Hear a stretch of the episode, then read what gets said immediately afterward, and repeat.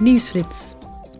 Vandaag houdt de Commissie Milieubeheer, Volksgezondheid en Voedselveiligheid een openbare zitting over pesticidenbedrijven die de negatieve effecten van sommige van hun producten op de menselijke gezondheid hebben verzwegen.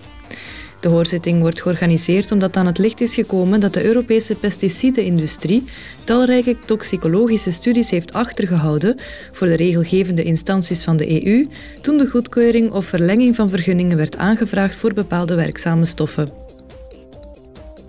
De Commissie Industrie, Onderzoek en Energie stemt morgen over een eventuele hervorming van de elektriciteitsmarkt.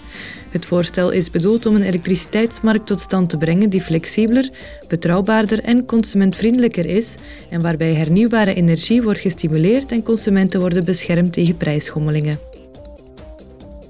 Ook stemt de Commissie Industrie, Onderzoek en Energie morgen over de EU-wet in zaken cyberweerbaarheid.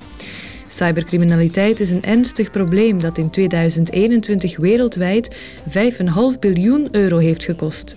De wet is bedoeld om de cyberbeveiliging van producten zoals telefoons, huishoudelijke apparaten en auto's met digitale elementen te verbeteren. De nieuwe regels moeten tekortkomingen in de beveiliging wegnemen en ervoor zorgen dat fabrikanten beveiliging serieus nemen gedurende de gehele levenscyclus van het product.